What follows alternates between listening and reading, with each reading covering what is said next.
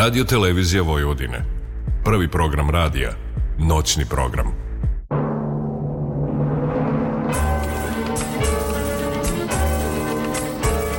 U dobrom društvu.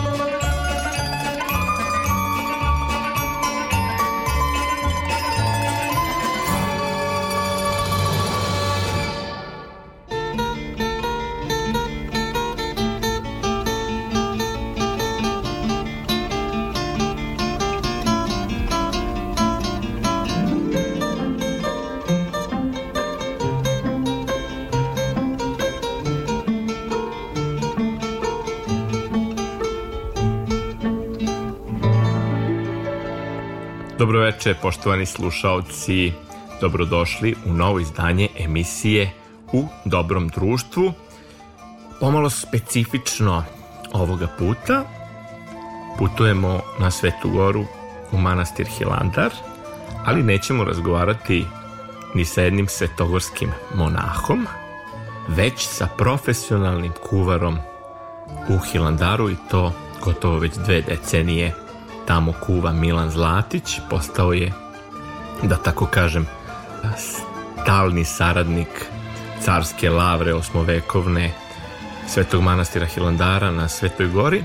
Za 30 godina koliko već redovno odlazim na Svetu goru, mogu da kažem da otkad u kuhinji šefuje iskusni Milan Zlatić, da je hrana veoma ukusna, a to mogu da potvrde i mnogi koji pohode Hilandar poslednjih 20 e, godina, jer trpeza je vrlo često posna, po tipiku se zna šta je na jelovniku svakodnevno, u pitanju su dva obroka dnevno, ponekad i samo jedan, nekada je naravno post veoma strog, ali Milan Zlatić se sa svojim timom trudi da hrana bude kvalitetna i ukusna. U pitanju je svakodnevno veliki broj obroka s obzirom da poklonici pristižu sa svih strana, ali su zaista u prilici da uživaju u ukusnim obrocima koje sa mnogo ljubavi priprema Milan Zlatić. Milan Zlatić je gost emisije U dobrom društvu. Ovo smo zabeležili u Hilandarskoj kuhinji u ranu zoru uoči praznika blagovesti i laganih priprema za proslavu Vaskrsa. Uživajte u priči o Hilandarskoj trpezi sa kuvarom Milanom Zlatićem.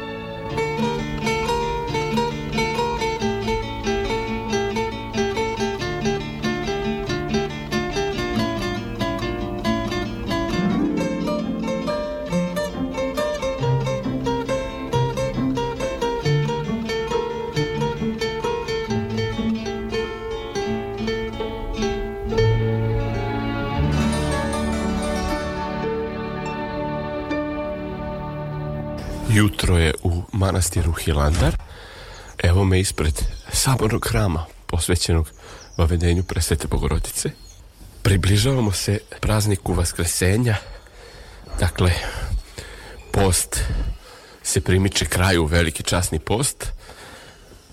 I idem ka hilandarskoj kuhinji koja je malo sada u specijalnim uslovima s obzirom da se velika trpezarija iz vremena kralja Milutina eh, restaurira i sve dok se ne završi njena obnova trpeza i obed i monaha, hilandaraca i gostiju poklonika odvija se u jednoj baraci, dakle jedan privremeni prostor, montažni u samoj porti manastira tako da se iz stare kuhinje u posudama velikim nosi hrana za svaki obrok, a posle servira u toj samoj baraci.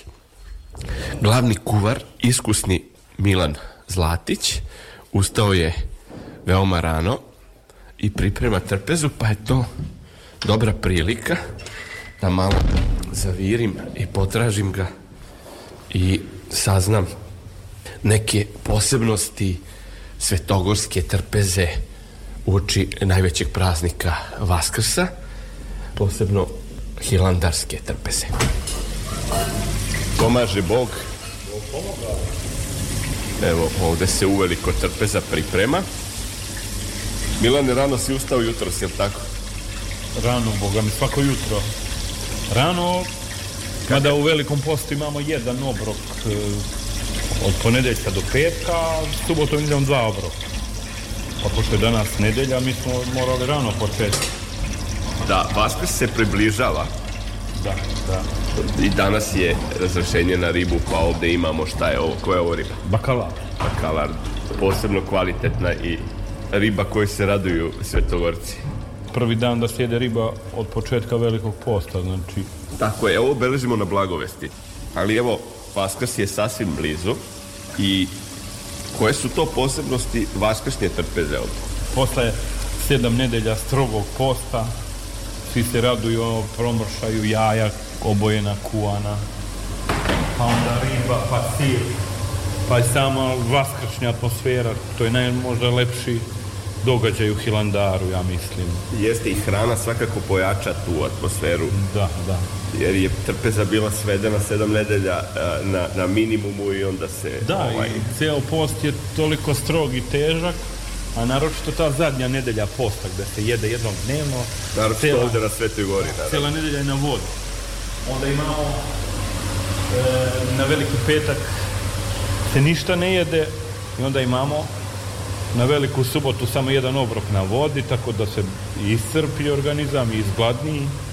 I onda naravno da se raduje čovek i promršaju i sir, jaja, Lepši proizvod i sam Vaskrs je najlepši praznik možda. Jeste, i nigde nije toliko lep kao na Svetoj gori. Treba pomenuti u stvari da su bogosluženja dugotrajna i veoma iscrpljujuća. I onda telo snagu prikuplja najvećim delom od same trpeze. Da. I, I tokom posta trpeza, mada je skromna, gleda se da, da bude hrana bogata vlaknima, je li tako, Milan? Jeste. Dosta se jede povrće, na primjer, ceo post, ponedjak, sreda, petak je na vodi. I to je jedan obrok. I tu je izobilje povrća.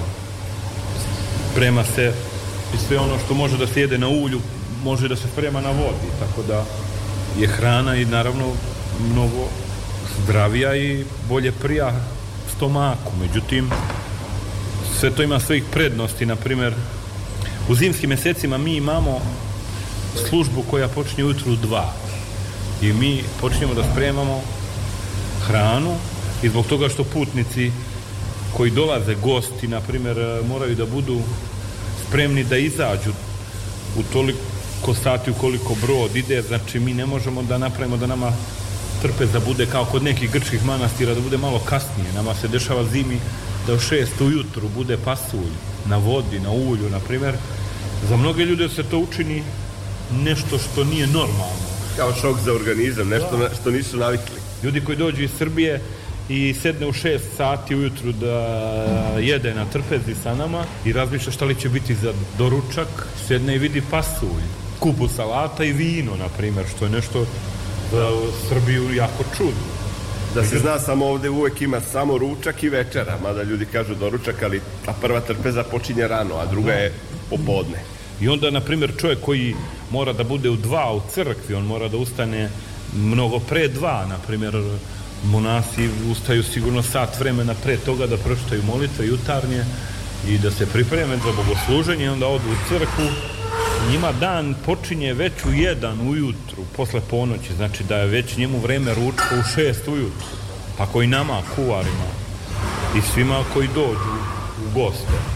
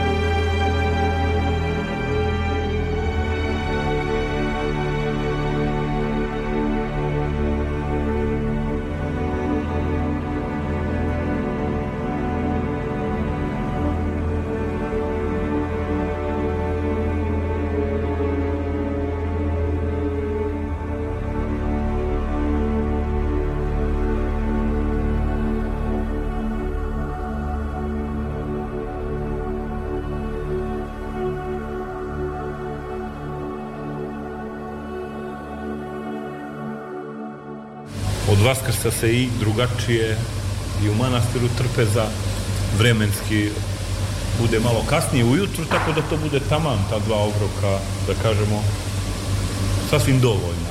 I to su naravno uvek obroci koji ne umore čoveka, nego on dobije snagu da izdrži taj dan, da izgura sa obavezama, jer obaveza je ovde puno, a i poklonicima je dinamično, jer e, menjaju prostor. Meni se samo uvek naravno čini da ti nekako ovaj posao koliko god je težak obavljaš sa velikom radošću, a to je ono što donosi Sveta Gora, radost u poslušanju i u, da. i u radu. Ljubav. U svakom poslu čovjek a, mora da ima ljubav. Ljubav prema poslu koji obavlja. Znači, ako to nema, u ljubavi nema ni uspeha, sigurno. Jeste, ako se nešto radi sa mrzovoljom, neće biti ni hrana ukusna, zato, je, zato se kaže trpe za ljubavi. I kuvar da. mora da ima ljubavi prema svom poslu, i automehaničar mora da ima ljubavi prema svom poslu, i pisati, da bi to bilo kako treba, ja mislim... da Ili bolje da ga ne radi. Ili bolje da... Ili bolje da ide u Nemačku. E, sjajna je ovdje atmosfera uvek, e, ja pamtim još kad sam došao u 90. godina, mnogo vremena sam jedno vreme pomagao, bilo je malo bratstvo, bilo je drugačije organizovan manastir i poklonici su dosta ovde pomagali da, da. da. i e, od pranja sudova pa do priprema namirnica. Da, da.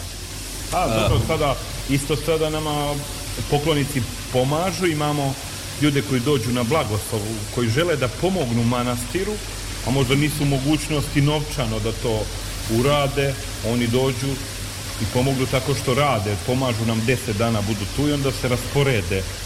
Neko u maslinama, neko u kuhinji, neko čisti crkvu, neko pomaže oko skupljanja i pranja sudova, znači pošto je sad trenutno liturgija u toku, zato smo mi sve te ljude poslali na liturgiju, a pa je ovde u, u kuhinji trenutno malo tišina. E, malo tišina, samo su dvojice, inače ovde su uvek i poklonici koji su angažovani jeli, da, da pomažu. Da, samim tim zbog rekonstrukcije ove trpezarije. Malo je sve otežano, nosi da. se hrana u baraku. To sam rekao na uvodu ispred vrata. Da, i ovde je, na primjer, mnogo manji ljudi prolazi zato što se ovde sprema hrana se odnese, jede se gore i onda se čini da je to malo kuhinja.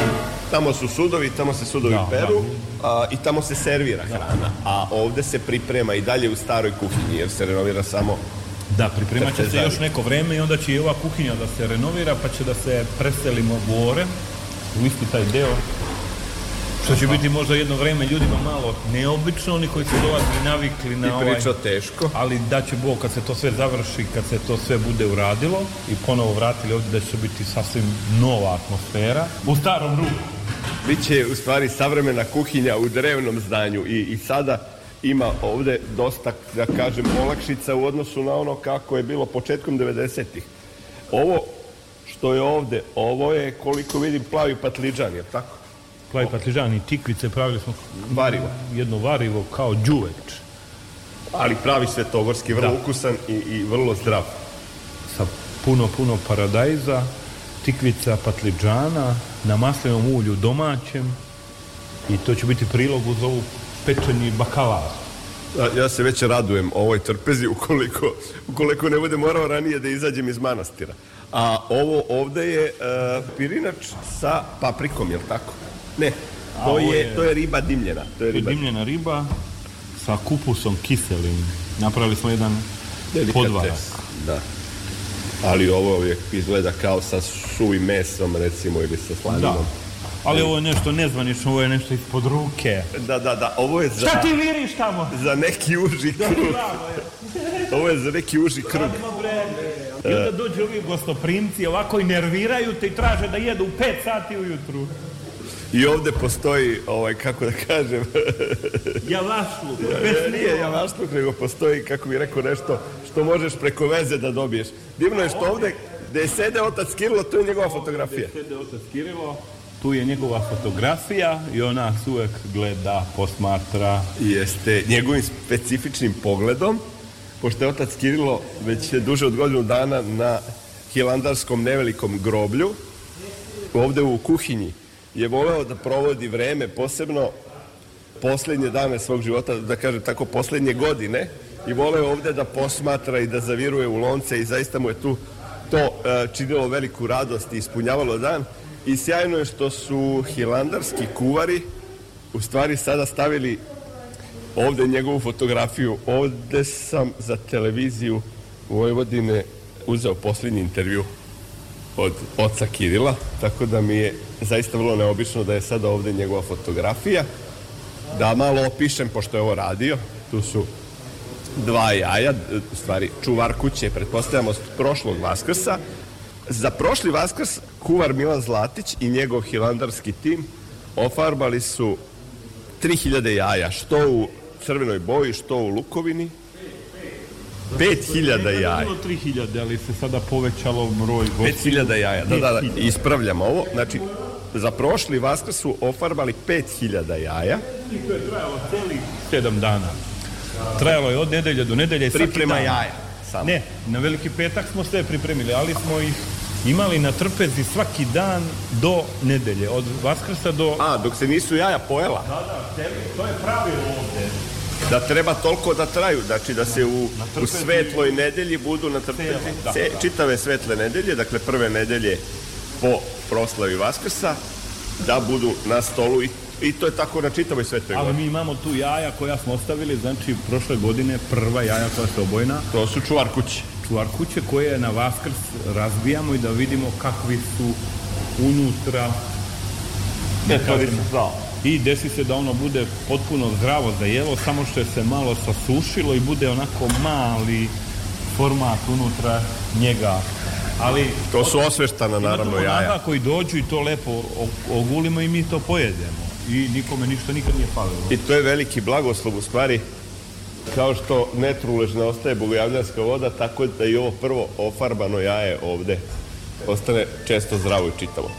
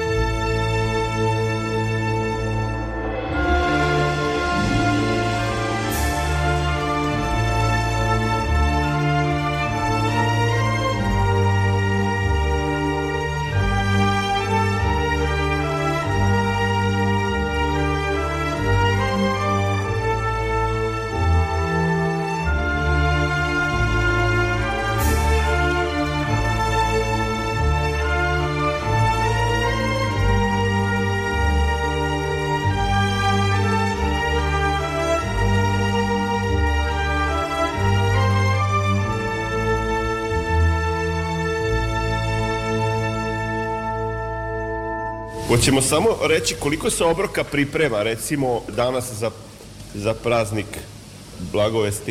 E pa da su vi gostoprimci malo profesionalni mi bi znali to da vam kažem, šalim se. E, imamo... Pa ne mora tačan broj okvirno. Nekih 160 ljudi, samo nas ima, oko 40 monaha i nekih 120 gostiju, otprilike dana.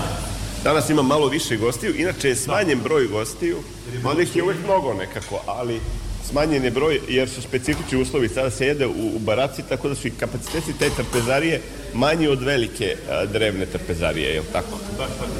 Dakle, ovde, ovde hrana čuva svežinu. Topla je. Ovde je još uvek topla riba, čuva se u posebnom. Ovo su jedno. ipak neki aparati koje smo nabavili nije kao nekada kad sam ja došao u ovu kuhinju tu je stajao šporet na drva koji je trošio dnevno kubik drva to je bilo ogromno. Sada je to savremeno, ovde agregati rade, tako da je sve ovo na struju. Ja nisam u životu vidio tako veliki šporet kad sam došao tu, međutim sada je to prešlo na plin. Taj šporet je otišao u istoriju. Da, da. To je bilo nešto... Možda ga mogu videti slušalci na nekoj od starih fotografija. To je kuhinja koja je bila opremljena vjerojatno negde u 19. veku, neki tu škoreti koji su proizvođeni tada samo za te uslove, to se samo na Svetoj Gori može vidjeti. Da li znaš nešto o svojim uh, legendarnim prethodnicima? Ako da ne, upoznao sam nekoliko njih koji su kuvali tu, pa su penzionisani, na primjer, uh, Grk Jorgos. Da, Jorgosa se sećam i ja dobro. On je bio tu, pa je otišao u penziju i... Čak sam ga snimao kako peva, on čuva neke tradicije iz Male Azije, porekao. Mm. Sjećam se jednom prilikom sam um, bio tu i iguman se spremio da ide u posetu penzionisanom kuaru Jorgosu. Ja sam se našao tu slučajno, iguman meni kaže, e, danas idem da obiđem našeg bivšeg kuara u penziji Jorgosa, pa eto da će Bog nekad kad i ti odeš u penziju, da i tebe obiđemo tako. I Boga mi malo po malo, ja mislim da Zdravlje znači, Bože. E, pa, da, da, koliko, koliko si već ovde? Ovaj, primite se penzija, koliko? Ja počeo... ali još je daleko. Da, da, šalimo se. Počeo sam negde e, uh, 2002. godine da radim u Kareji.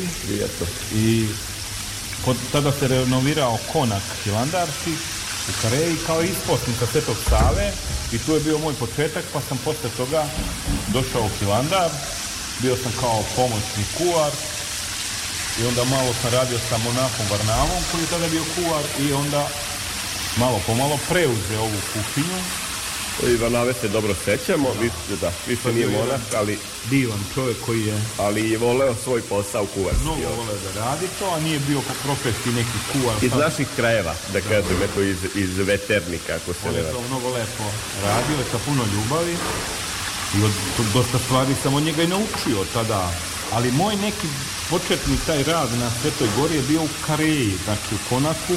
Predstavnica Svete Gore gdje Hilandar ima svoje poslanstvo kao i ostali manastiri, da? Znači ja sam došao da radim na Kareji i nisam imao pojma, nisam dolazio u Hilandar do tada nijednom, nego direktno otišao na Kareju, radio tamo i sve u sebi zamišljao kako li je to u Hilandaru, kakva li je to atmosfera. Imala je tada knjiga, ti vjerojatno znaš radio je... Batica Savić, da novin radio. Ono, Hilandarska trpeza ljubav. Jeste, da, da, da. I ta knjiga Ima... nalazila u konaku u Kareji. Plava jedna knjiga. Plava knjiga, divna, sa slikama. Ja sam tu knjigu čitao i pitao se da li ću ja nekad, da ću ja ikad ući u tu kuhinju da vidim. Nije to posle toliko godina, eto, na primjer. Novi se ostvaruju. Da. Ali... A ovde si već legenda i ti. Da. Tim što taj duh Svete Gore koji je bio pre 10, 15 godina, 20 godina, to je nešto što može samo da se sada prepričava. To je e, divno. E, ovo potpisujem. Ja sam od 90. dolazio u Hilandar. To je nešto nezaboravno. I kad rano ujutro krenem na liturgiju, onako sa, sa jednom setom i radošću e, pomešano e, se prisjećam tih dana, jer taj duh više ne postoji ovde, prosto drugačije je. Pa cijela Sveta Gora je drugačija sa vremenom. Kao i duh vremena, da. Da, kao i ceo svet se promenio, nije više kao što je nekad bilo u celom svetu, tako i Sveta Gora se normalno malo pojavilo više ljudi, sve više broj ljudi, sve više ljudi napada da dođe u Svetu Goru. E, ovoliko nikada nije bilo posete. Mi kad smo dolazili, dešava se i po jedan samo gost da dođe početkom 90-ih, pa se okupe svi monasi oko njega. Da, kao čudo. Sada je proto gostiju neverovatan, Ali, prosto... Mnogo način komunikacije sa manastirom, mnogo dostupniji je manastir, lakše doći, nemamo vize, sve to utiče da ima više ljudi. A nekada je bilo doći u Hilandar... Kao... Pravi podvig, da li će ti uopšte odobriti? Ja sam išao na razgovor, sad malo e, odlazimo od teme trpeze, ali išao sam čak na razgovor o ideološkoj podobrosti, u stvari da li e, možda nemam neke skrivene namere da ovde viđam neku emigraciju. To je doduše bio formalni razgovor i samo tada, 90. godine. Već 91. ti razgovori nisu postojali u konzulatu, znači da vam prosto konzulat odobri da li možete da odete. Naravno, kao umetnik sam objasnio svoje umetničke razloge, a sledeći put sam išao bez, bez te provere bezbednostne u konzulatu. Ovo je desert, da li će biti pita ili će biti, video sam, i baklavu. Baklava. Pita je, imamo nekoliko monaha koji ne jedu ribu uopšte i onda ćemo spremiti neko jelo na uvu.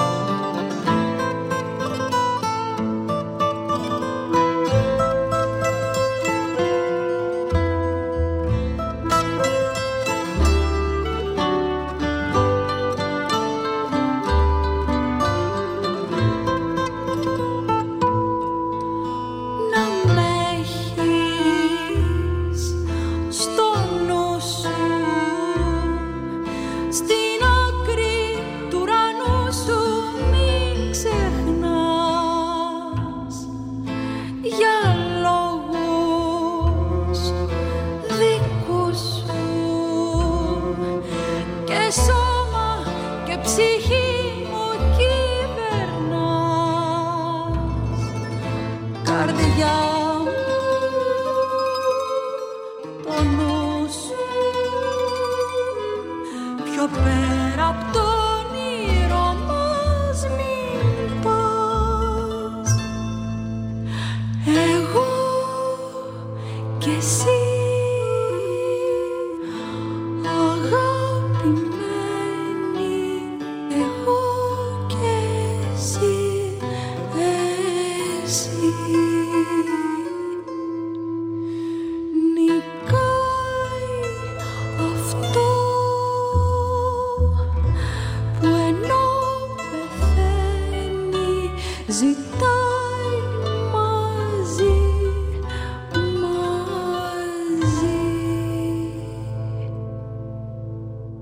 konkretno kažemo jedan svetovrski recept ili neki od ovih koji su, da kažem, trenutno u pripremi ili, ili neki koji je tvoj omiljeni?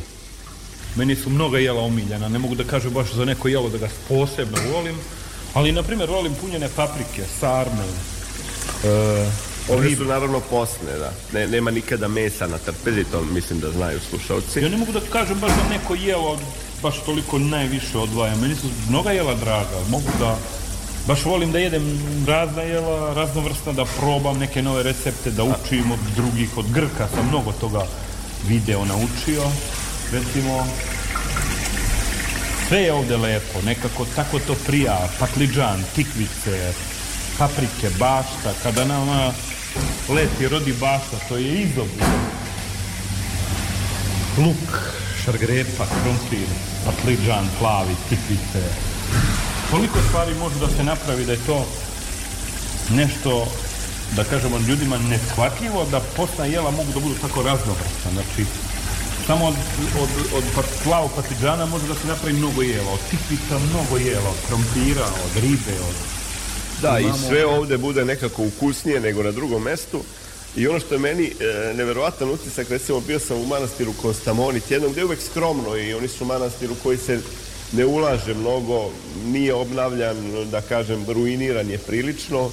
Monasi su svi zakrpljeni, ali svi nasmejani, svi u nekim mantijama, u dronjcima, mogu da kažem, vredno rade, ali taj tanjer graška koji ti stave od srca na, na sto bude najukusnije. Tako inače, dakle, sa svetogorskom trpezom vraćamo se na ono što smo pomenuli kad se ljubav utka u ovo. Ali evo, da, da im kažemo konkretno neki recept e, slušalcima i slušateljkama koji bi možda mogli da primene ovde nema mesojeđa, tako da je recept bez mesa.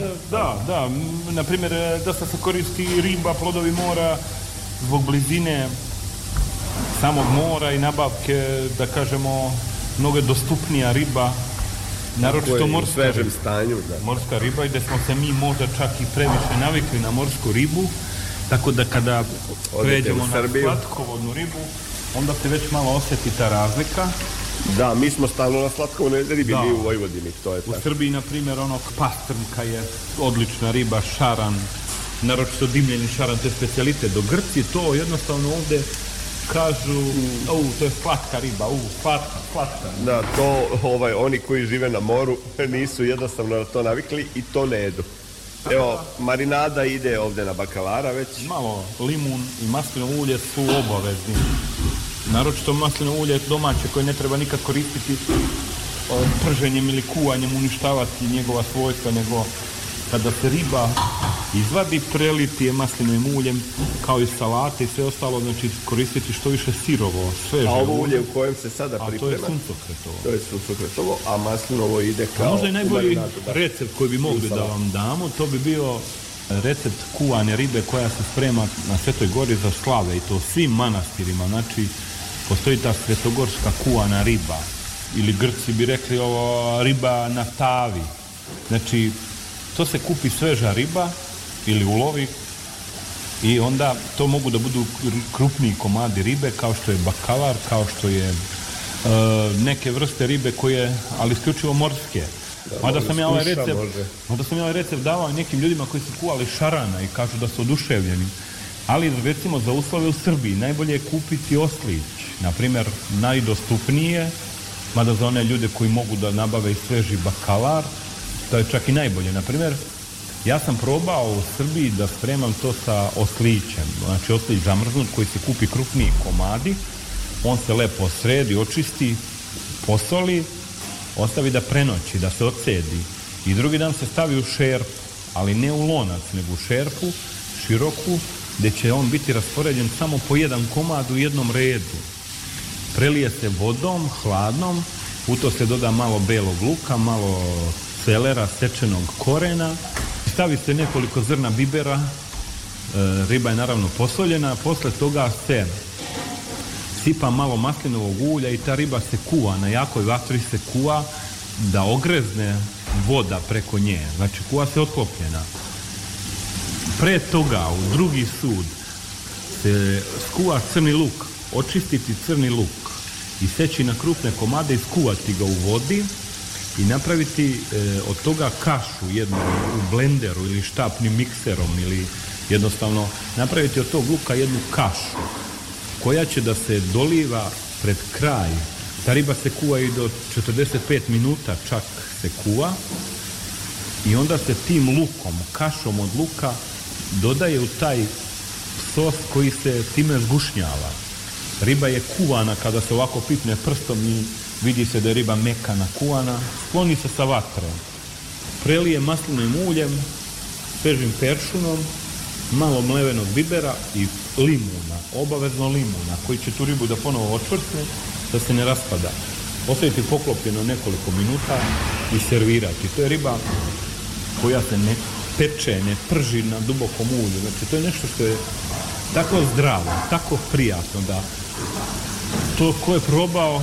Probao sam ovde na Svetoj gori i zaista osetite koliko je to zdravo i koliko prije organizmu. A toliko ukusno, toliko taj jednostavan recept, tu ne ide ništa mnogo. Da, tu ukusi ostaju, da luk. kažem, nepomućeni, savršeno usklađeni. Crni beli luk, peršun, celer, maslinovo ulje, riba, limun, ništa više. Znači, to je jedno savršeno jelo koje se vekovima sprema na Svetoj gori, a izmislili su se ga monasi, jer posle sedam nedelja, na primjer, posta, gde se jede riba samo dva puta u tom postu. Da, znači, po pravilu samo je, na blagovesti i na cvetu. Da, mnogo je teško pojesti e, neku jaku porciju pržene ribe. Znači, ta kuhana riba je mnogo lako stvar. To je udar na organizam, da. Baš pa tako. Nema puno u sebi ulja, preprženi. Ovo je nešto što baš prija i što je sjajno za prelaz iz posta na mrsnu hranu, što e, znaju svi da imaju često problema sa time što kod nas posle posta usledi, dobro, post nije kod nas ovoliko strog kao ovde, ali usledi taj udar mesne hrane i onda je možda bolje evo, pred sam Vaskrs da odluče da naprave možda i tako nešto za početak posta pa da se, da se lakše prilagode mrsnoj hrani koja sledi u sledećem periodu. Hvala ti puno, Milane. Ne znam da li bih hteo nešto još da dodaš. Ne, ovde bi moglo da se priča ceo dan i celu noć priče su neiscrpne, doživlja sa Svete Gore kuhinja, gde god odem da odem da se pojaviš kao kuar, hilandarski, na primer, svi traže neke recepte i samo se o tome priča, tako da... Razgovarali smo, čini mi se, dva puta za televiziju, da. a evo sada prvi put i za radio, a imao sam prilike da u najpoznatijim listovima Srbije pročitam tvoje intervjue i tvoje recepte i zaista mogu da kažem da da nekako već e, postaješ neka vrsta sinonima za današnju hilandarsku trpezu. Naravno, e. ali ništa to ne bi ja mogao raditi sam bez moje ekipe, bez obučenih bez ljudi. Bez kojima... koji je tu sa strane i koji zaista... Imam tu ljudi koji rade sa mnom dugo vremena, tako da smo uigrana ekipa. Tu bih želeo da pozdravim Srđana Perovića iz Smedereva, koji da, je... Predstavimo, tako je. Koji je najbolji, najbolji, najbolji pomoćnik svih vremena da ovde iskušenici pomognu malo. Da, da, naravno, iskušenici i monasi serviraju jela koja mi spremimo. Naprimer, pošto manasih landa nema toliko baš puno monaha, raspoređeni su svi na svoja poslušanja, ali što se tiče kuhinje, prilično je teško to poslušanje, jer u toku same liturgije monah Umesto da na molitvi treba da bude da, u kuhinji. Da, što da. nije dobro ni malo, jer tako da U većini manastira, mnogi se pitaju zašto u Hilandaru neku amona. U većini manastira ima po 80 do 100 monaha, 150 monaha, koliko broji, na primjer, neki manastiri kao što je Velika Lavra. Oni imaju monaha koji se menjaju, ali to nisu jela što se sprema za 10 ljudi, za 15, nego se sprema za 200 ljudi. Preko leta, na primjer, su nama velike grupe. Mi dnevno ovde u Hilandaru dešava se da spremimo za jedan dan na primer, bude i po 250 obroka. I tada... To je napor veliki, naravno. Taj monah koji bi prihvatio toga da bude u kuhinji, on više u crkvu ušao ne bi. Da, znači, robio bi se i to bi ga odvojilo od molitve, a zbog molitve da. je na svetoj gori. E onda je Hilandar znači, to i problem rešio tako što je nas uposlio, platio, mi imamo porodice, mi taj posao radimo, menjamo se, idemo kući, Koliko provedeš godišnje vremena u Hilandaru? Ali ja sam recimo od tih kuara najviše provodim vremena ovde, ovi ostali da kažem možda malo manje. Ja budem na primjer dešava se i do 9 meseci ponekad provedem ovde, znači 7-8 meseci budem u Hilandaru. Kao pomorac. Baš tako. I, ali, eto, možeš da komuniciraš svaki dan sa porodicom, lakše nego preko radio veza. Nekada je bilo da se čujemo sa porodicom jednom nedeljno, sada se čujemo dva puta dnevno, tako da smo u mnogo lakšoj situaciji, pomalo da, i od porodica su odvojeni na, naravno i majstori koji rade neimarska služba da, ovdje da. na obnovi manastira. Tako da je to isto deo posla, ali e, možemo samo da kažemo slušalcima da je nekada to bilo odvajanje praktično od, e, od ostalog sveta i gotovo na čitavu godinu Da. A komunikacija današnja, danas ima mnogo zaposlenih Grka na Svetoj Gori koji žive u okolnim selima i vraćaju se svakoga dana kući, recimo iz Afni, iz Kareje i tako dalje. Hvala ti mnogo, ja ti želim u zdravlju da dočekaš Vaskrs i proslaviš ga i nadalje da ti gospoda i snage i radosti da ovaj posao ovako Naravno. sa uživanjem radiš na radost onih, onih koji će sve ovo da da probaju e, za hilandarskom trpezom ili da primene u svojim domovima proverene svetogorske recepte. Hvala i vama puno. Ovo je Radio Novi Sad, Radio Televizija Vojvodine, direktno iz hilandarske kuhinje. Govorio je Milan Zlatić, hilandarski kuvar. Može da kažeš za kraj nešto? Pa, mogu da kažem da mi je zbog vas sagorela pita. Au, kriv sam za ovu pitu ovdje nije strašno, valjda neće biti ove ovaj, kritike, ali evo ja sam smetao ovde u kuhinji, na radost slušalaca naravno, kuhinji, a i meni je bilo lepo. U kuhinji lepo. nikada čovek ne može da bude da nema šta da radi. Uvek ima da se radi. Hvala lepo, sretan nad. Hvala prijatno. vama, prijatno.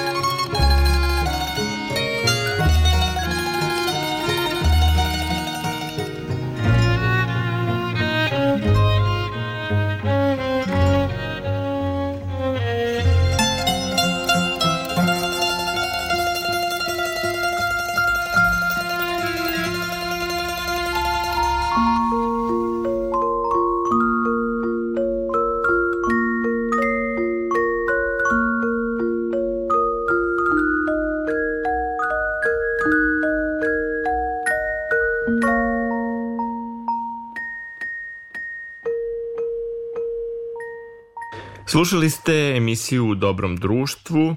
Vaš i moj gost bio je Milan Zlatić, hilandarski kuvar. Razgovor je zabeležen u kuhinji drevnog osmovekovnog manastira Hilandara na Svetoj gori. Emisiju je tonski uobličila Marica Jung, a pred mikrofonom je bio vaš domaćin, urednik emisije Goran Vukčević. Prijatno, do slušanja.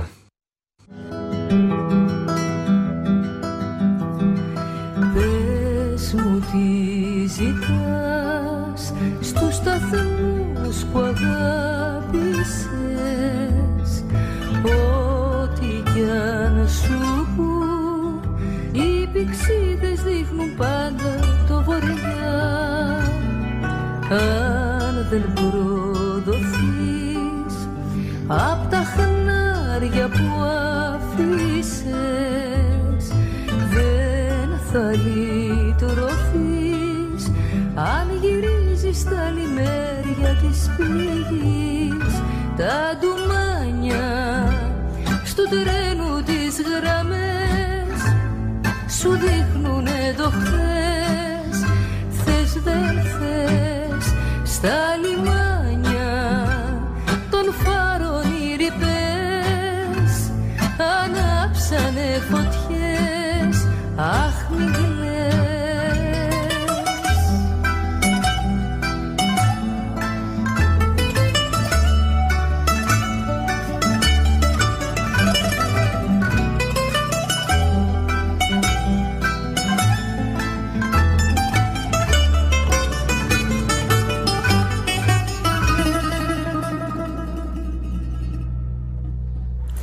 Αν χαθείς ξανά Στις καρδιάς των μαχαλά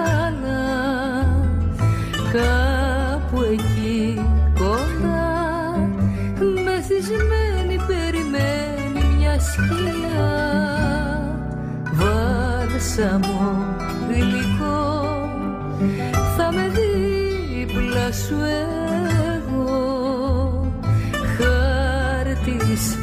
διψώ Το μελάνι της πορεία σου να πιω Τα ντουμάνια στο τρένου τις γραμμές Σου δείχνουνε το χθες Θες δεν θες στα λιμάνια Των φάρων οι ρηπές Ανάψανε φωτιές Αχ μην κλαις The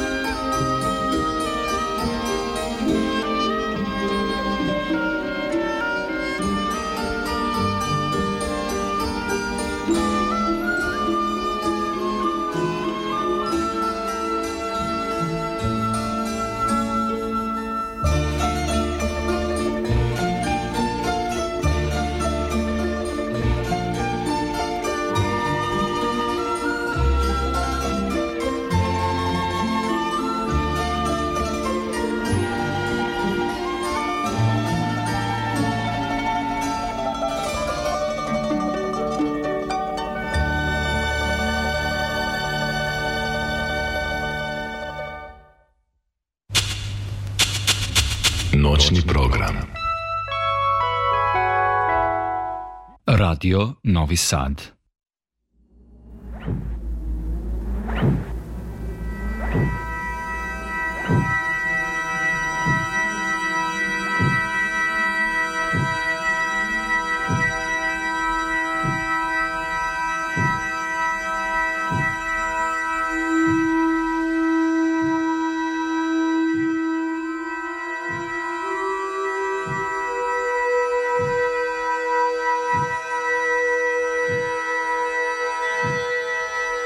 Poštovani slušalci, moje ime je Boško Buta.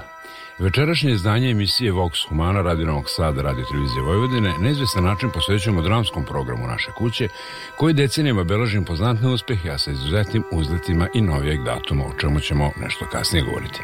Tim povodom, naš večerašnji sagovornik i više domaćin nego gost je doajen u domenu realizacije dramskog programa i ne samo dramskog, dugogodišnji kolega, penzionisan ton majstor gospodin Dušan Stojičić. Duško, dobroveče, dobrodošao u svoju kuću. Dobroveče, što kažu, bolje te našao. Kada u komunikacijskom smislu pomenemo radio kao medij koji sve sadrže jednodimenzivno i efemerno distribuira u eter, ne smemo zaboraviti autentičnu radijsku umetnost zvuka, stvorenu uz pomoć audio tehnike – gde radio poput teatra oslobađa zvuk iz pisanog znaka da bi ga potom, otelotvorenog, sličnog onom prealfabetnom, uskladištio u fonski arhiv u svojevrsnu metaistoriju. U oba slučaja, Očigledna je sprega između biti usmene lingvističke semantike i suštine radijske umetnosti ili produkcije u užem smislu. Višeznačnost radiodramskog kazivanja bila je godinama nezasluženo prenebregavana, mada je razlozi, kao i kod istorodnih umetnosti, nisu uvek bili u prizemnosti i oblasti prezentnog. Zakasnela pomodnost, oslobođena pravih istina, proizišla iz života, umela je neretko da nadzvlada i prostorima čujnog. Sublimno i samo na izgled abstraktno pretapanje tona u sliku fonosfere u ikonosferu, zasnovano na vekovima starom reciprocitetu udvajanja zvuka u igru i igre u zvuk, dobilo je svoj prvi punokravni izraz u radiodramskom stvaralaštvu. Međutim, ovo stvaralaštvo nikada nije bilo samo delo autora, misao, reditelja ili čin glumca. U sinergiji kolektivnog autorskog čina sve više je postojala umetnost tonskog bojenja slike. Konačno, bez produbljivanja tonskog mišljenja, ono bi se utopilo u sivu, običnu nečujnost. A najkonkretniji, najrečitiji i najživopisniji doprinos interkulturnom dijalogu stvaruje se upravo u segmentu radiodramskog delovanja, gde čak ni dijapazon pasivnih slušalaca koji se javljuju kao posljedica sve prisutnosti radija ne umanjuje ulogu koju je radio odigrao u demokratizaciji umetnosti. Duško, ti si skoro četiri decenije proveo upravo u dramskom programu Radio Novog Sada. Pa toliko sam proveo u radiju, ali u dramskom programu nešto malo manje. Zato što je ovaj, taj neki razvojni put eh, snimatelj, asistent, znači ne može čovjek da postane odmah tonmajster. Pored eh, obrazovnog sistema koji je postojao u okviru irt znači da bi se čovjek bavio tim poslom, mora da završi odgovarajuće škole. U to vreme to je bilo u Zagrebu, gde smo naravno polagali razne ispite i sticali raznorazna znanja od istorije muzike, osnova novinarstva, elektrotehnike, akustike i tako dalje, da bi došli kroz praksu i kroz rad do toga da bi neko mogao da se bavi ton majstorskim poslom. Da li u smislu snimanja muzike, gde je pored ostalih e, atributa bilo neophodno da čovek ima smisla za taj posao na taj način što je muzikalan, što zna i da svira neki instrument, jer bez toga teško da može da se uspešno bavi tim poslom. Tako da sam ja poslednjih nekih 20 25 godina praktično se bavio radiodramom. Naravno, put je išao od nekih jednostavnijih emisija govornog tipa, kao što su radio škole, neke reportaže i tako dalje, gde su tu bili kontakti sa glumcima, da bi se uspostavila ta neka saradnja koja je neophodna da bi se opredmetio taj zvuk. Šta je ono što je različito od teatra, od televizije, od nekih drugih medija, to je baš upravo taj zvuk, jer svi drugi mediji imaju neka druga pomoćna sredstva, znači taj, tu vizuelnu komponentu, gde čovek, e, slušalac, odnosno gledalac, bude prilično pasivan, jer mu je sve dato. Od kostima, šminke, enterijera, eksterijera, kulisa i tako dalje. U radiodrami slušalac nema ništa od toga.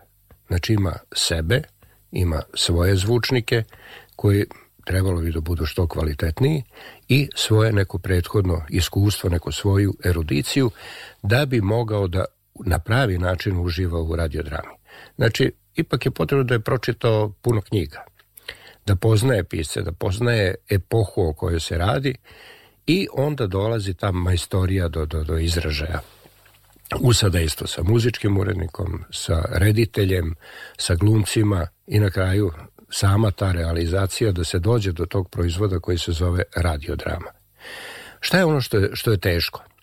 Teško je što smo mi snimali i radio bajke pored onog programa koji je namenjen odraslima, a kod radio bajke treba deci dočarati kako medved priča, kako priča vuk, kako priča drvo, kako neke zmaji kako leti i tako dalje. Kako trava raste. Otprilike, da, prilike tako. E, to je ono što čovjek kad ode sa ovog posla, ne može da, da ode kao sa nekog bilo kog drugog posla i kaže ja sam za danas završio, odah sad na pecanje i neću da razmišljam ni o čemu.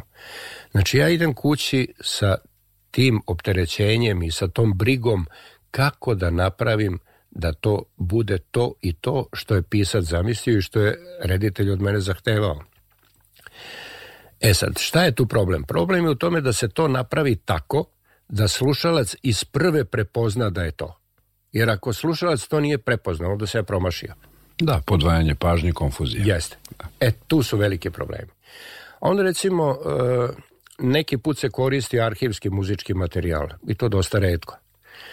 Jer radiodrama je umetničko delo za sebe. I sad ne možemo muziku kao umetničko delo inkorporirati u tu radiodramu, ona mora, ta muzika mora biti prilagođena, da bude u funkciji radiodrame. I obično se piše muzika specijalno baš za radiodramu, koja treba da potencira određena raspoloženja, određena stanja, da bi stvorila ili neku opuštajuću atmosferu, neku napetu atmosferu, zavise već kakva je tema radiodrame. Tako da su to sve problemi, znači mi smo morali pored poznavanja, snimanja govora, e, kretanje glumaca, jer mi smo radili u stereofoniji. Tako da glumci nisu statični, oni moraju da se kreću u tom prostoru da bismo dobili planove, prvi plan, drugi plan, da bi znali da li je glumac sa leve, sa desne strane, da li ispred nas, da li je e, u daljini, da li se javlja iz nekog drugog prostora i tako dalje. A, to je opet jedna težnja u toj stereofoniji da se što više simulira onaj način kako ljudsko uho čuje a to je to takozvano binauralno lokaliziranje. To je jako teško postići, jer ono kako mi čujemo, taj mehanizam još ni dan danas nije do, do, do kraja objašnjen. Zna se onaj fizički deo, kako se pobuđuje bubna opna, pa kako se to prenosi i dolazimo do e, cilijarnih ćelija.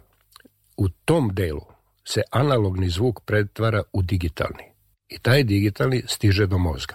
Koji su to putevi i kako mozak to registruje, to još niko nije uspeo da ustanovi.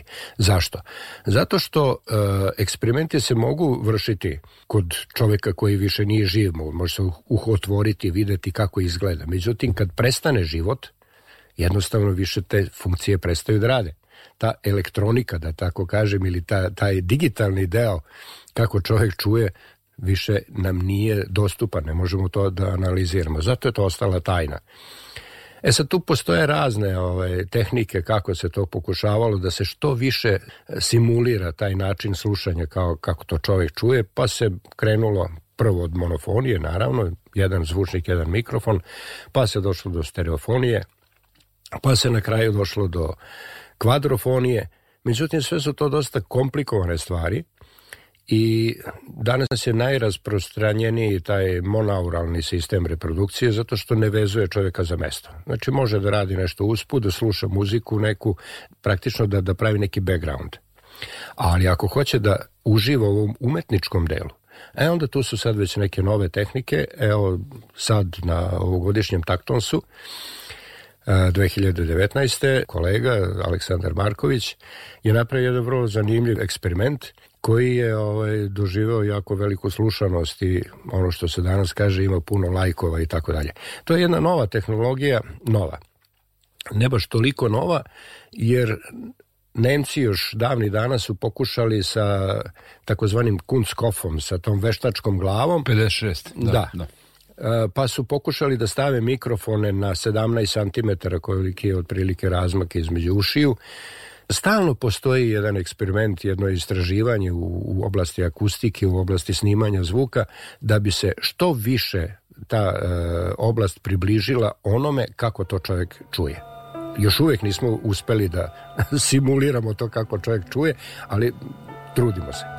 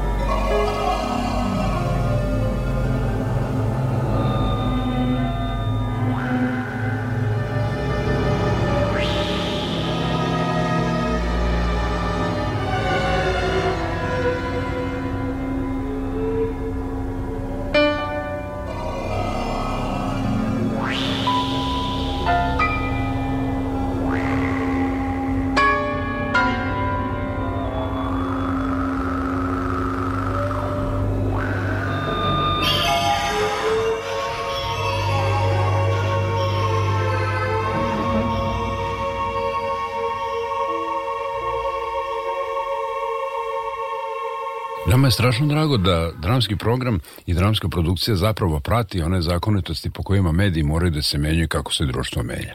Naravno da će inovacije u tehnologiji otvoriti nove vizure, neka treća oka, neke nove mogućnosti i u radiodramskom izrazu.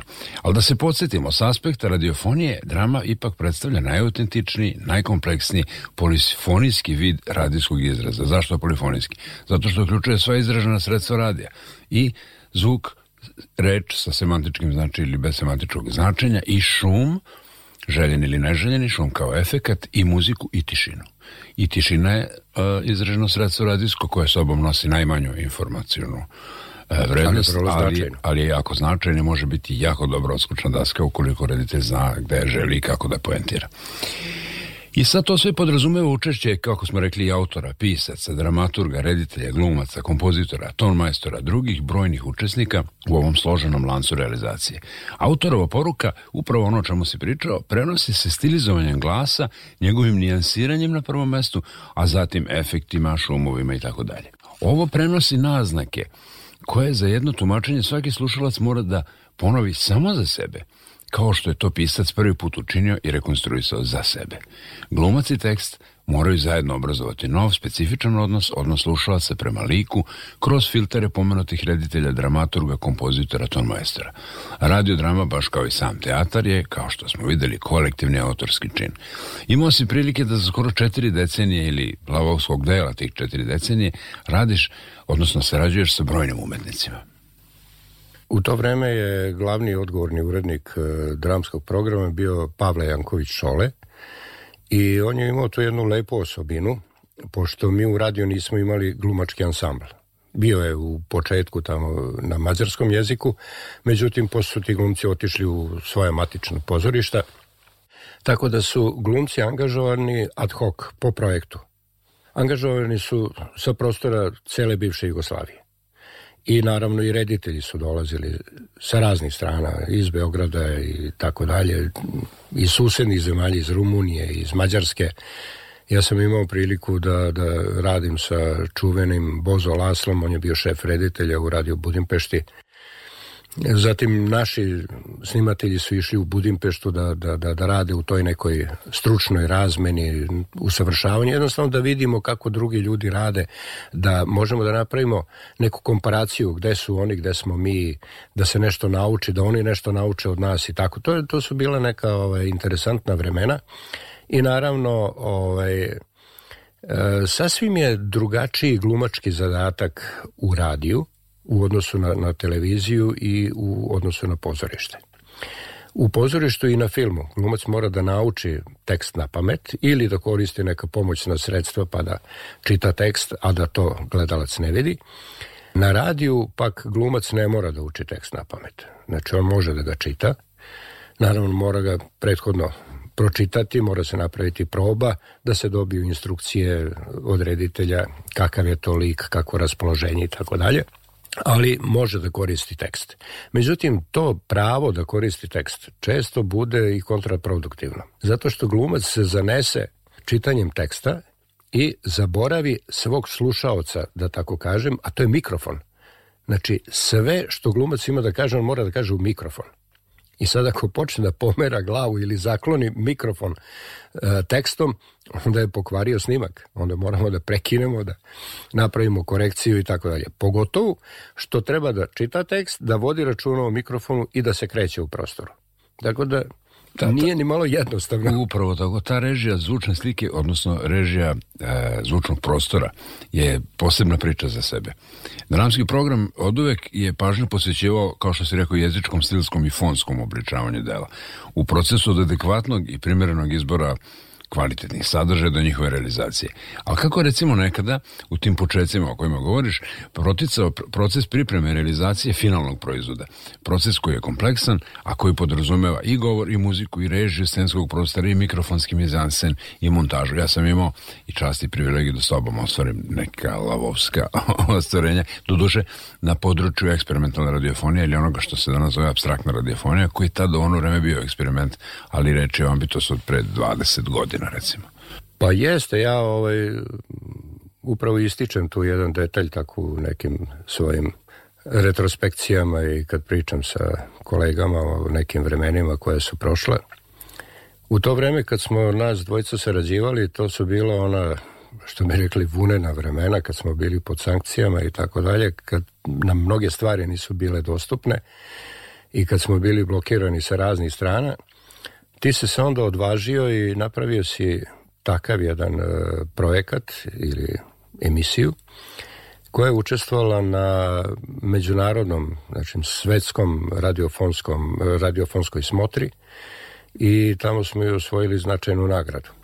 Plasirali smo se u prvih sedam u svetu. Ma pa- nominacija, ali dobro. Da ali, da, ali treba imati u vidu da smo mi to radili u vreme sankcija u vreme kad još nije bila kompjuterizacija u radiju. To Monolo, su, sve smo monologi radili, da. To su sve bili, ajde da kažem, prapočeci, ne, nešto smo ovaj, došli u kontakt sa digitalnim snimanjem, sa kompjuterima, ali ono što je najznačajnije jeste da ni, nismo osvojili zlatnu medalju, ali za mene to značajnije nego da smo osvojili zlatnu medalju iz prostog razloga što smo bili u konkurenciji 128 svetskih radiostanica – A u toj konkurenciji gde smo mi bili sedmi ili tako? U prvih sedam, u pored BBC-a, pored e, različitih. BBC je bio prvi. Da. E za mene to najznačajnije. Znači da smo odmeravali koplja sa onima koji su vrh u toj svetskoj produkciji koji su imali i veća materijalna sredstva i bolju tehničku bazu, imali su svoje individualne škole za ton majstore i neke druge zaposlene na koji rade na realizaciji takvih programa.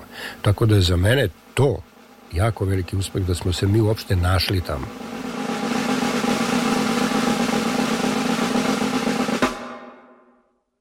Man gewöhnt sich an alles oder meine ich an fast an schlechtes Essen, mislim, kaltes Klima, na lošu voza, na hladnu klimu, na klempave uši i slične stvari. Ali dosada, i to jedna veoma velika dosada je nešto na što se veoma teško može navići. Pre ili kasnije počne čovek da zeva ili da buši sebi po nosu. Naravno krv. Krv je to što fali. Kajne tobne blut. Nema krvi, nema besnih krvopada, nema svraba, nema penušanja, nema zagrejavanja, nema potapanja, nema visokog pritiska, smrada, mirisa, protoka, nema života. Siva moždana masa, puna teških misli, pihtijasti žele puding, veštačka krv u konzervama, veštačka plazma, strahocitati, beskrajni daleki tekstovi, lažna zgusnuta punjanja beskrvnosti, intelektualni perfekcionizam, makroanalitička crno-bela slika i sve je beznadežno, jer ništa ne pomaže, baš ništa. Velen? Pretvaranje tačke u talas. Talase! O, bogovi! Kako je to dosadno. Ti umorni, duhovni, zvučni talasi koji mi se za bobno opnu lepe i sa silom pokušavaju mene dublje da prođu. Beži, gamadi! Gubila se otrovna plazmo sterilne kuhinje, iskomentarisana, promišljena, proanalizirana bljak. Loše mi je. Neu auch. Ekstremno. Nu diese ekstrem lange. Ništa više nije ekstremno. Lange. Novo, takođe ništa. Samo ova ekstremno duga, prokleto duga dosada. Ona je ekstremna. I već sam nokte izgrizao, gladan sam ostao. A pihtijasti žele puding me ne zasićuje. Kuvane svinjske nožice hoću, belog luka hoću, blistavi metal i lucovljeve borce. Smeh hoću muza, golišavih, izvajanih, pečene krompire i ljuske pasulja, puno paprike, najfinijih sosova, jeftine vodke i plemenita vina, mramorne stubove i velike osjećaje, kičerajske i kratke, Miljama široke, tihe okeane i ključajuće gejzire. Hoću veliki utisak, veliki mir i veliki bes takođe.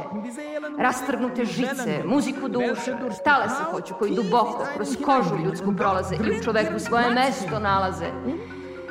Zeit für praktische Nächstenliebe habe ich I vremena za praktičnu ljubav prema bližnjim, takođe U okviru borbe protiv dosade, svakom beskrvnom i jadnom koji zaželi pokaje se, ustupam rado dozu slovenske krvi.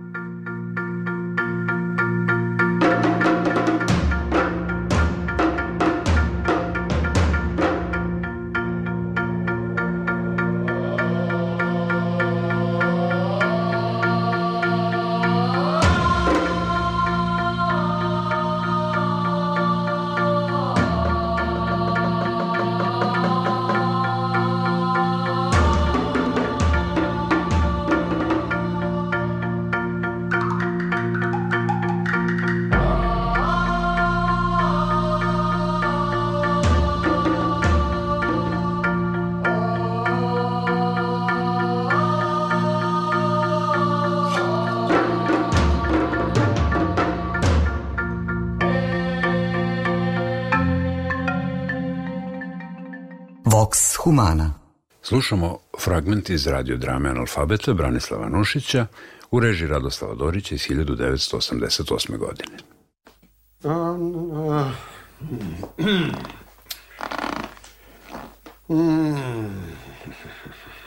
Pa da moj, sve mora na mene. Uf, uf, uf, uf, uf, uf, uf, uf, Pandur! Izvolite. je li, je li došao ga si Mika? Jes. I mu reci da dođe, odmah. E, Ajde. Ajde.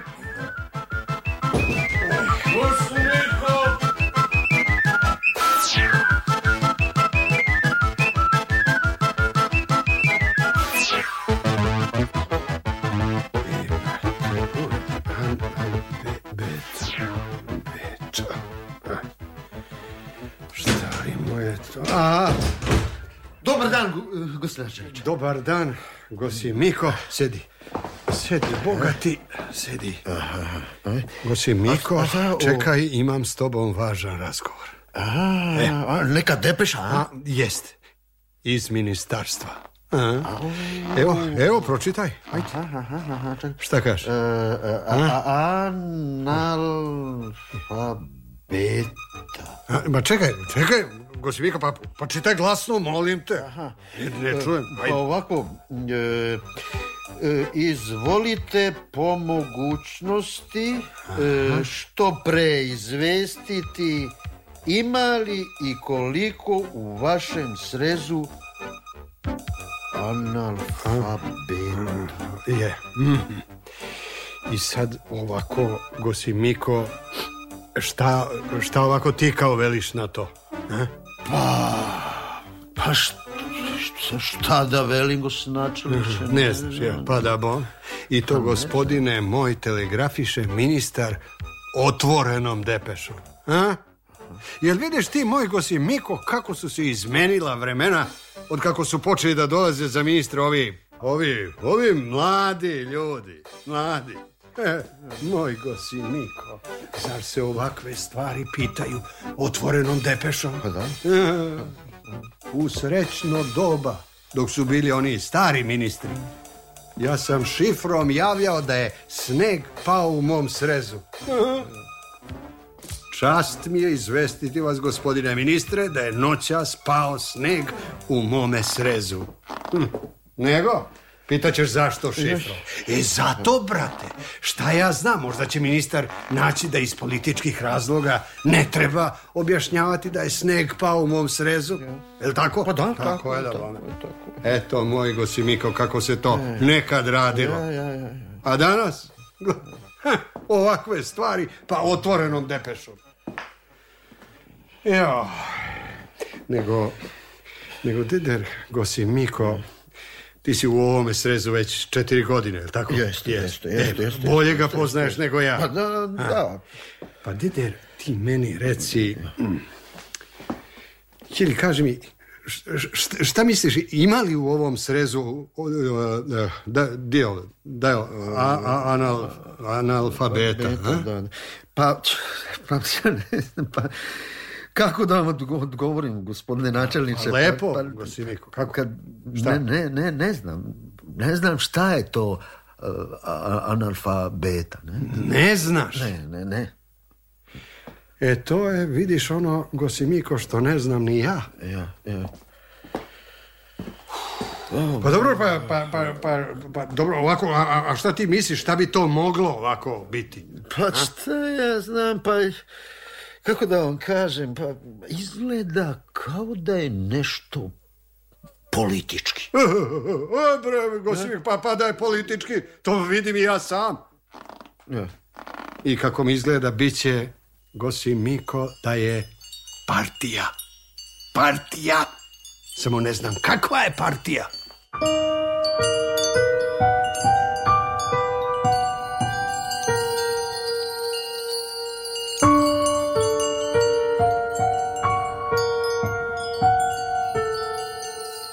pamti što je bolje nego ja sigurno. E, naše kolege i starije su uvek bile prisutne, ne samo u okviru Jugoslovenske radio televizije, nego i generalno, znalo se kad radi Novi Sad dolaze s dramskim programom, da smo uvek bili laureati brojnih svetskih takmičenja poput premija Ondas, premija e, pri Italija, pri Berlin, uh, Marketplace of Ideas, ako se zove, da, da, da. i svih ostalih.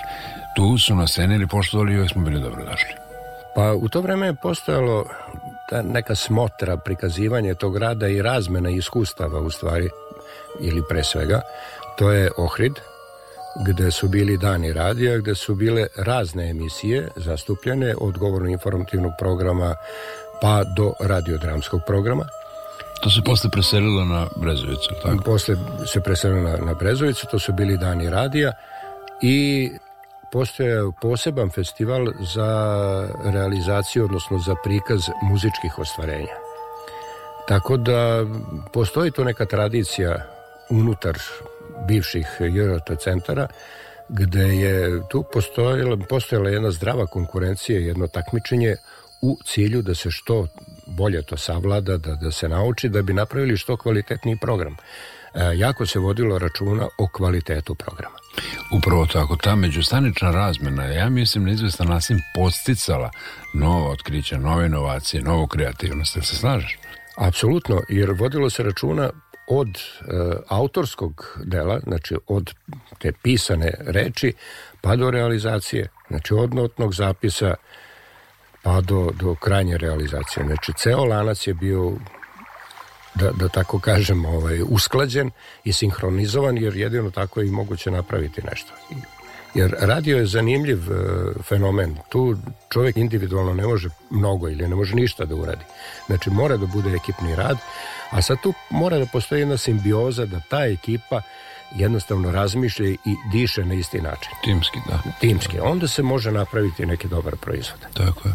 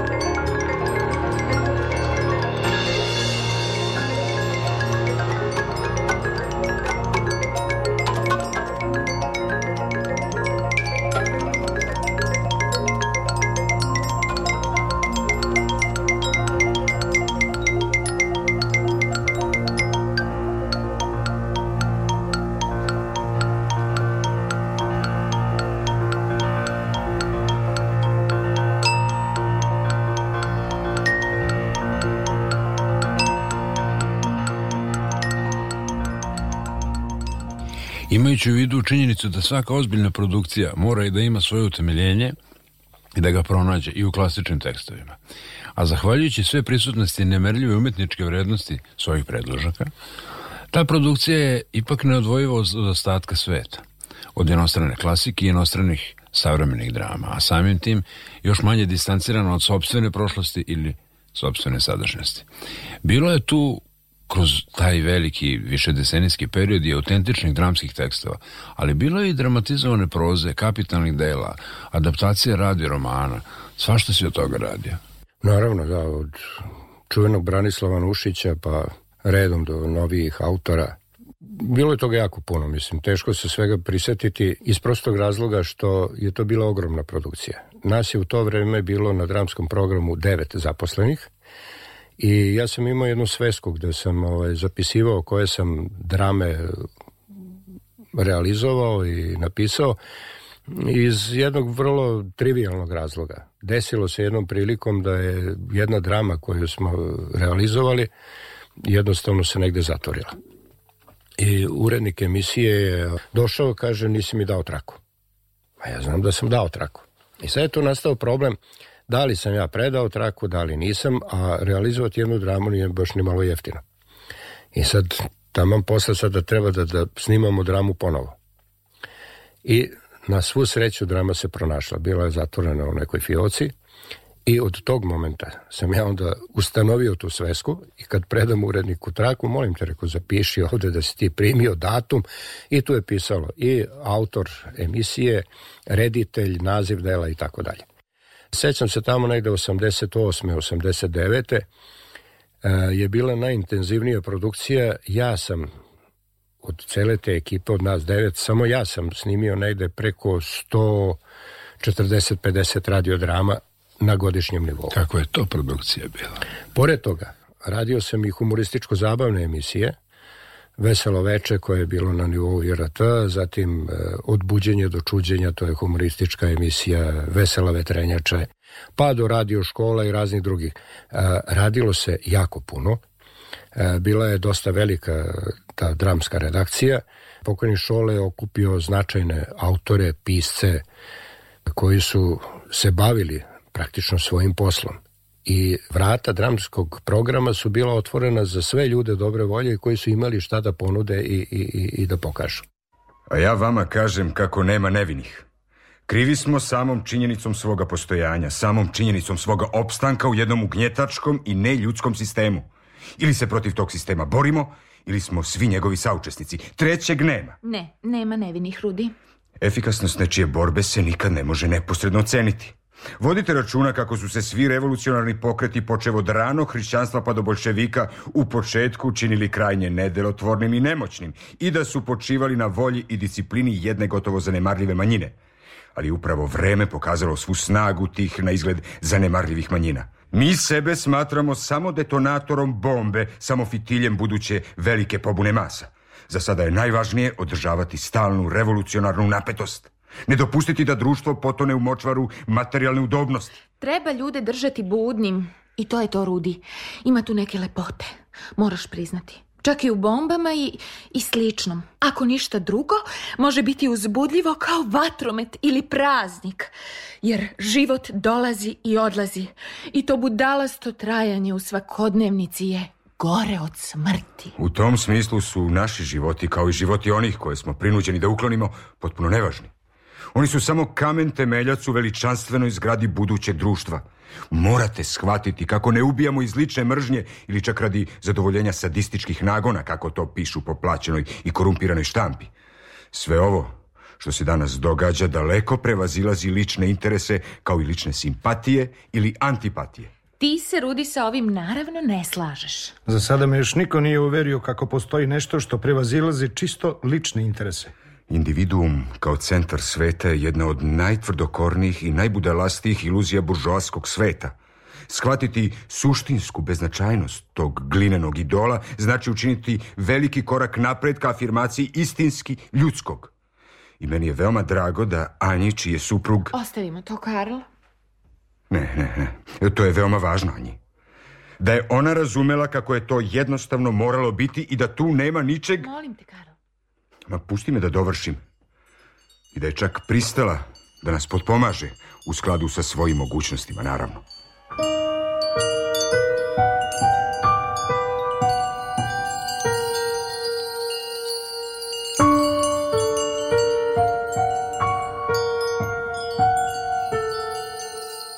Bio je ovo insert iz radiodrame Gutače plamena Dejana Simonovića u režiji Srđana Arsenijevića iz 1991. godine.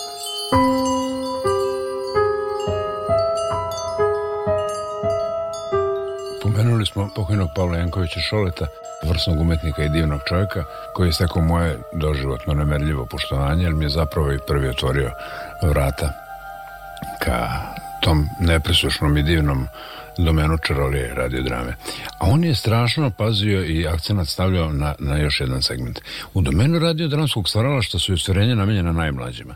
Svesni da je za decu pisati i igrati mnogo teže nego za odrasle, autori pokazuju više želje za ovlačenjem slušalaca u igru, ali u nekoj inoviranoj, restrukturiranoj, atraktivnoj formi, primjerenoj uzrastu ciljne grupe kome je namenjena. Kako su tvoje iskustva sa, sa radom sa, za najmlađe? kao ono što sam i rekao na početku, taj e, vid programa je daleko teže realizovati, zato što treba dočarati zvukom određene ovaj, situacije iz dečije mašte, što je jako teško. Jer znamo da zec ne priča. Sad mi treba da napravimo taj lik da on se približi detetu, da, da mu prenese neku poruku u vidu neke njegove slike koje je zamislio ili koju je stekao na osnovu priča koje su mu pričane i tako dalje. Ja sam imao jednu ideju, mislim nije moja originalna ideja, a nešto je ovaj, realizovano ovih dana od toga, a to je da radio ima, ima ovaj, tu mogućnost da se približi hendikepiranim slušalcima. Znači, lako je čovjeku da uzme da pročita, a šta kad ne može da pročita? E, radio je tu nezamenjiv. Da se literarno stvaralaštvo prenese na takav način. Recimo, još jedan deo nije iskorišćen, sad kad se pomenuo najmlađe, radio bi mogao da bude jako dobar pripovedač bajki i priča za decu.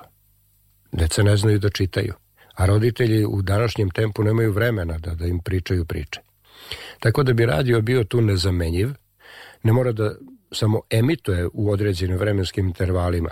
Mogu CD izdanja da se prave sa raznim bajkama, pričama koje bi bila prilagođena da dete to može da sluša koliko god puta to želi. U dakle, nekim nezavisnim produkcijama toga ima, ja sam nešto od toga čuo, po ugledu na E, jedan poseban e, segment e, radiofonskog stvaralaštva. Kanadjani su to prvi uveli, zvali su ga reading, namenjeno je bilo slepim i slabovidim osobama, e, gde su praktično glumci uz naratora, a, bez ikakvih efekata, bez ičega a, interpretirali tekst, a narator bi onda rekao pucanj ili, ili ne tako nešto ako toga ima, znači sam, nije bilo efekata. Ja sam imao drugačiju ideju da one opšte delove, to pripovedač, ispriča. Da, znači, da, uvede, nas, da. Su, nas u, u situaciju, a sam onaj deo koji je interesantan, to može da se dramatizuje i da se napravi igrana scena. Tako je.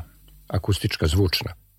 E to radio može da, da uradi, mislim, bolje od tih nezavisnih produkcija, prvo što ima bolju tehničku bazu, ima, ja mislim, čak i stručnije ljude i ima tu ekipu sa kojim je već uspostavljena saradnja kao što smo već više puta konstatovali, za razliku od drugih medija, iako spada jel, u medije masovne komunikacije odmah nakon visokotiražne štampe koja je prvi medij, do današnjih e, hibridnih medija, radio je zadržao karakteristiku toplog medija, medija koje nudi i podrazumeva saučesništvo i rasterećen vizualnog balasta, prikazujući svoje sadržaje, on dopušta da se njegovi sadržaji primaju spontano.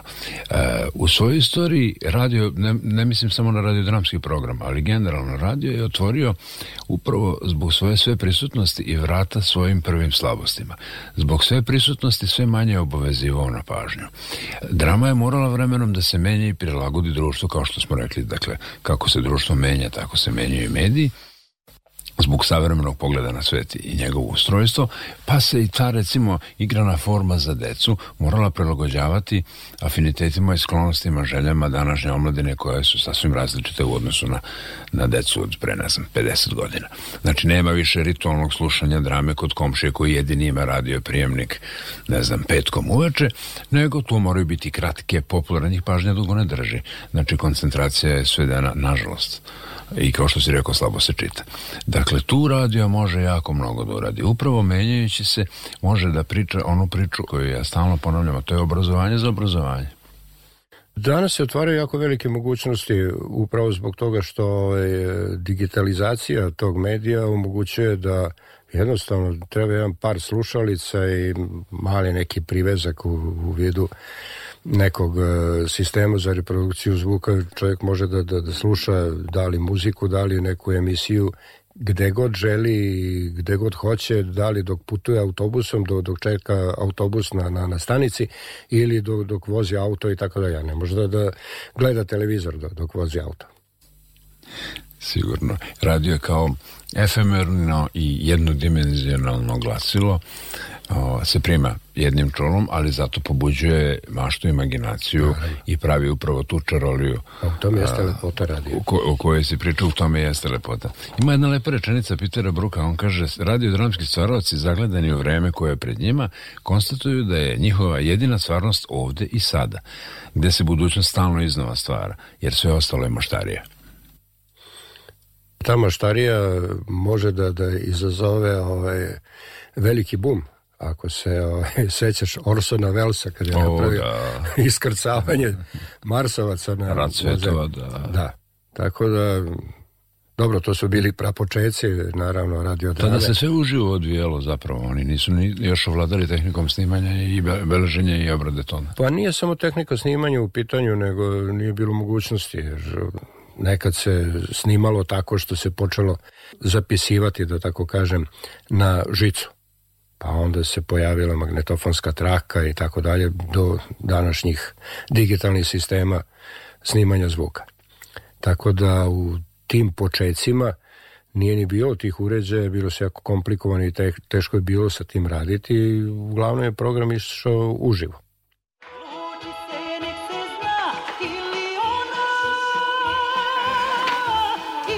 Dobro jutro! Dobro jutro, izvolite. Dva čaja, molim. Bife još ne radi, sačekajte malo. A kada počinjete? Molim? Sa radom, kada počinjete? Pa valjda vidite da radim.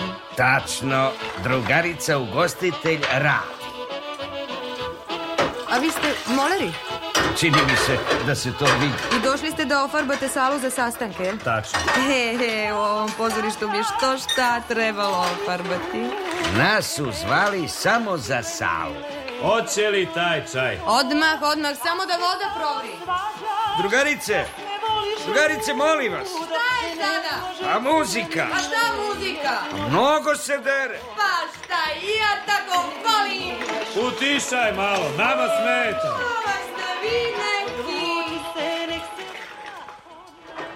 Izvolite vaš čaj. Želite li neko piće? Upravo smo dobili.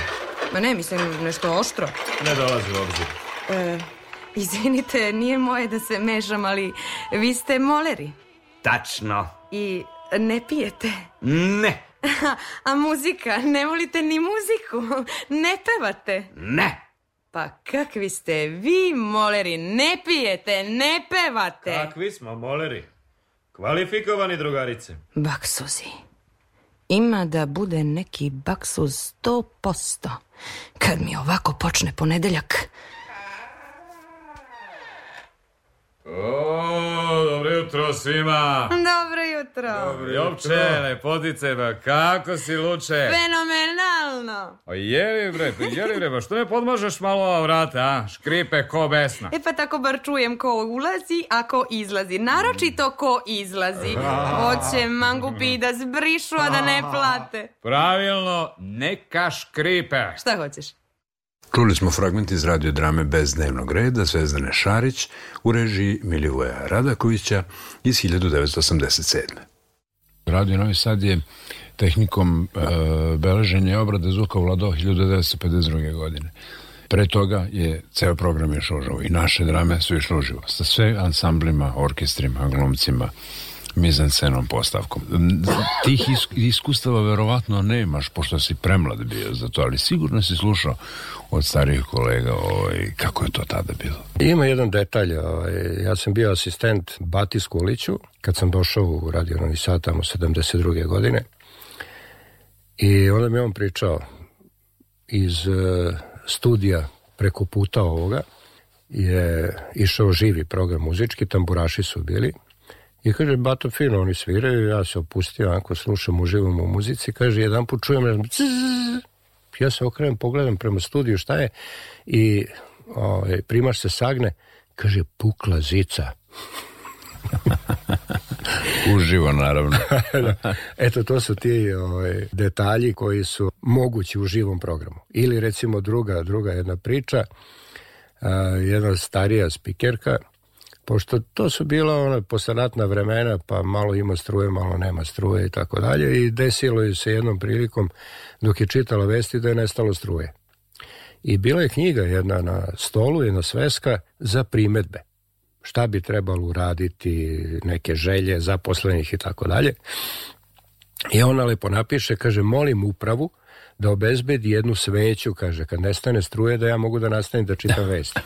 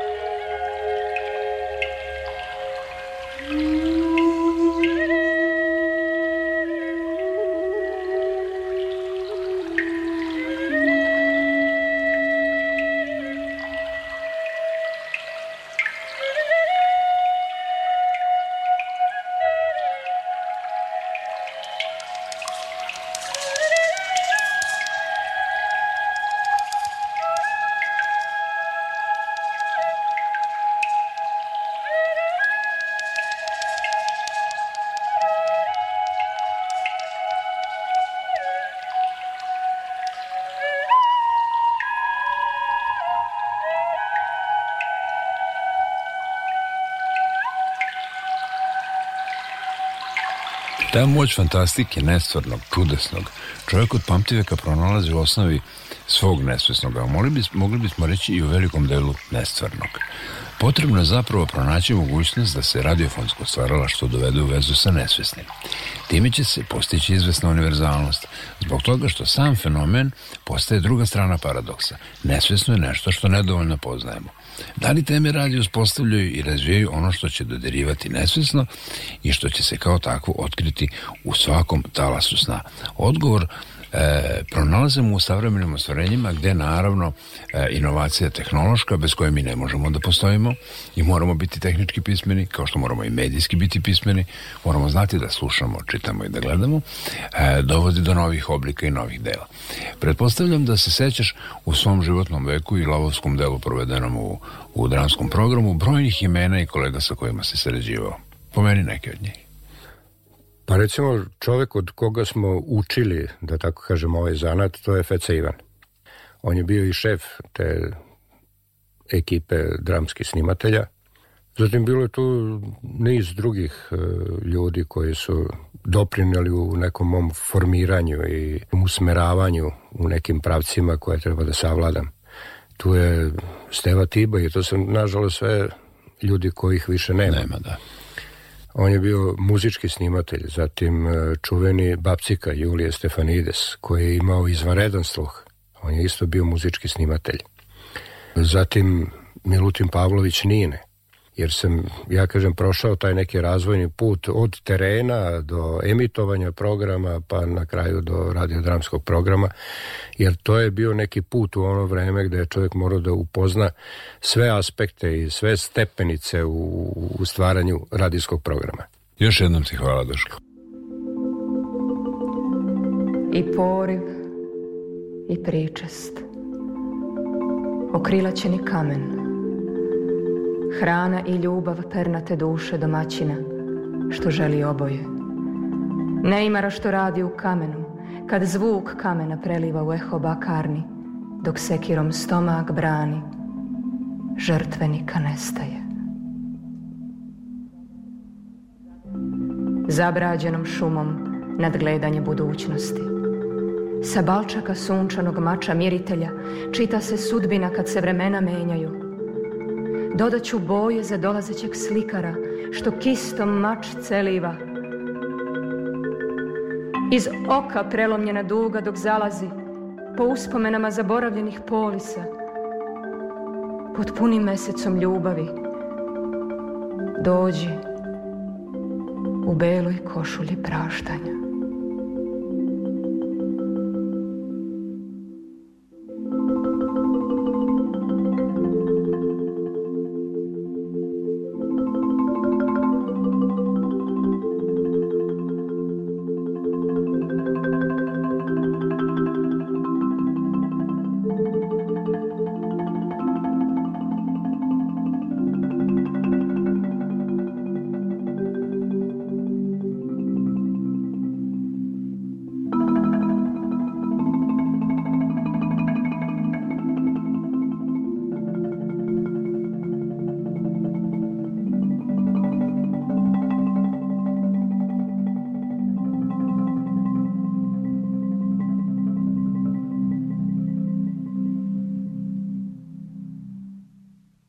Poštovani slušalci, pratili ste još jedno izdanje emisije Vox Humana radi Novog Sada, radio televizije Vojvodine.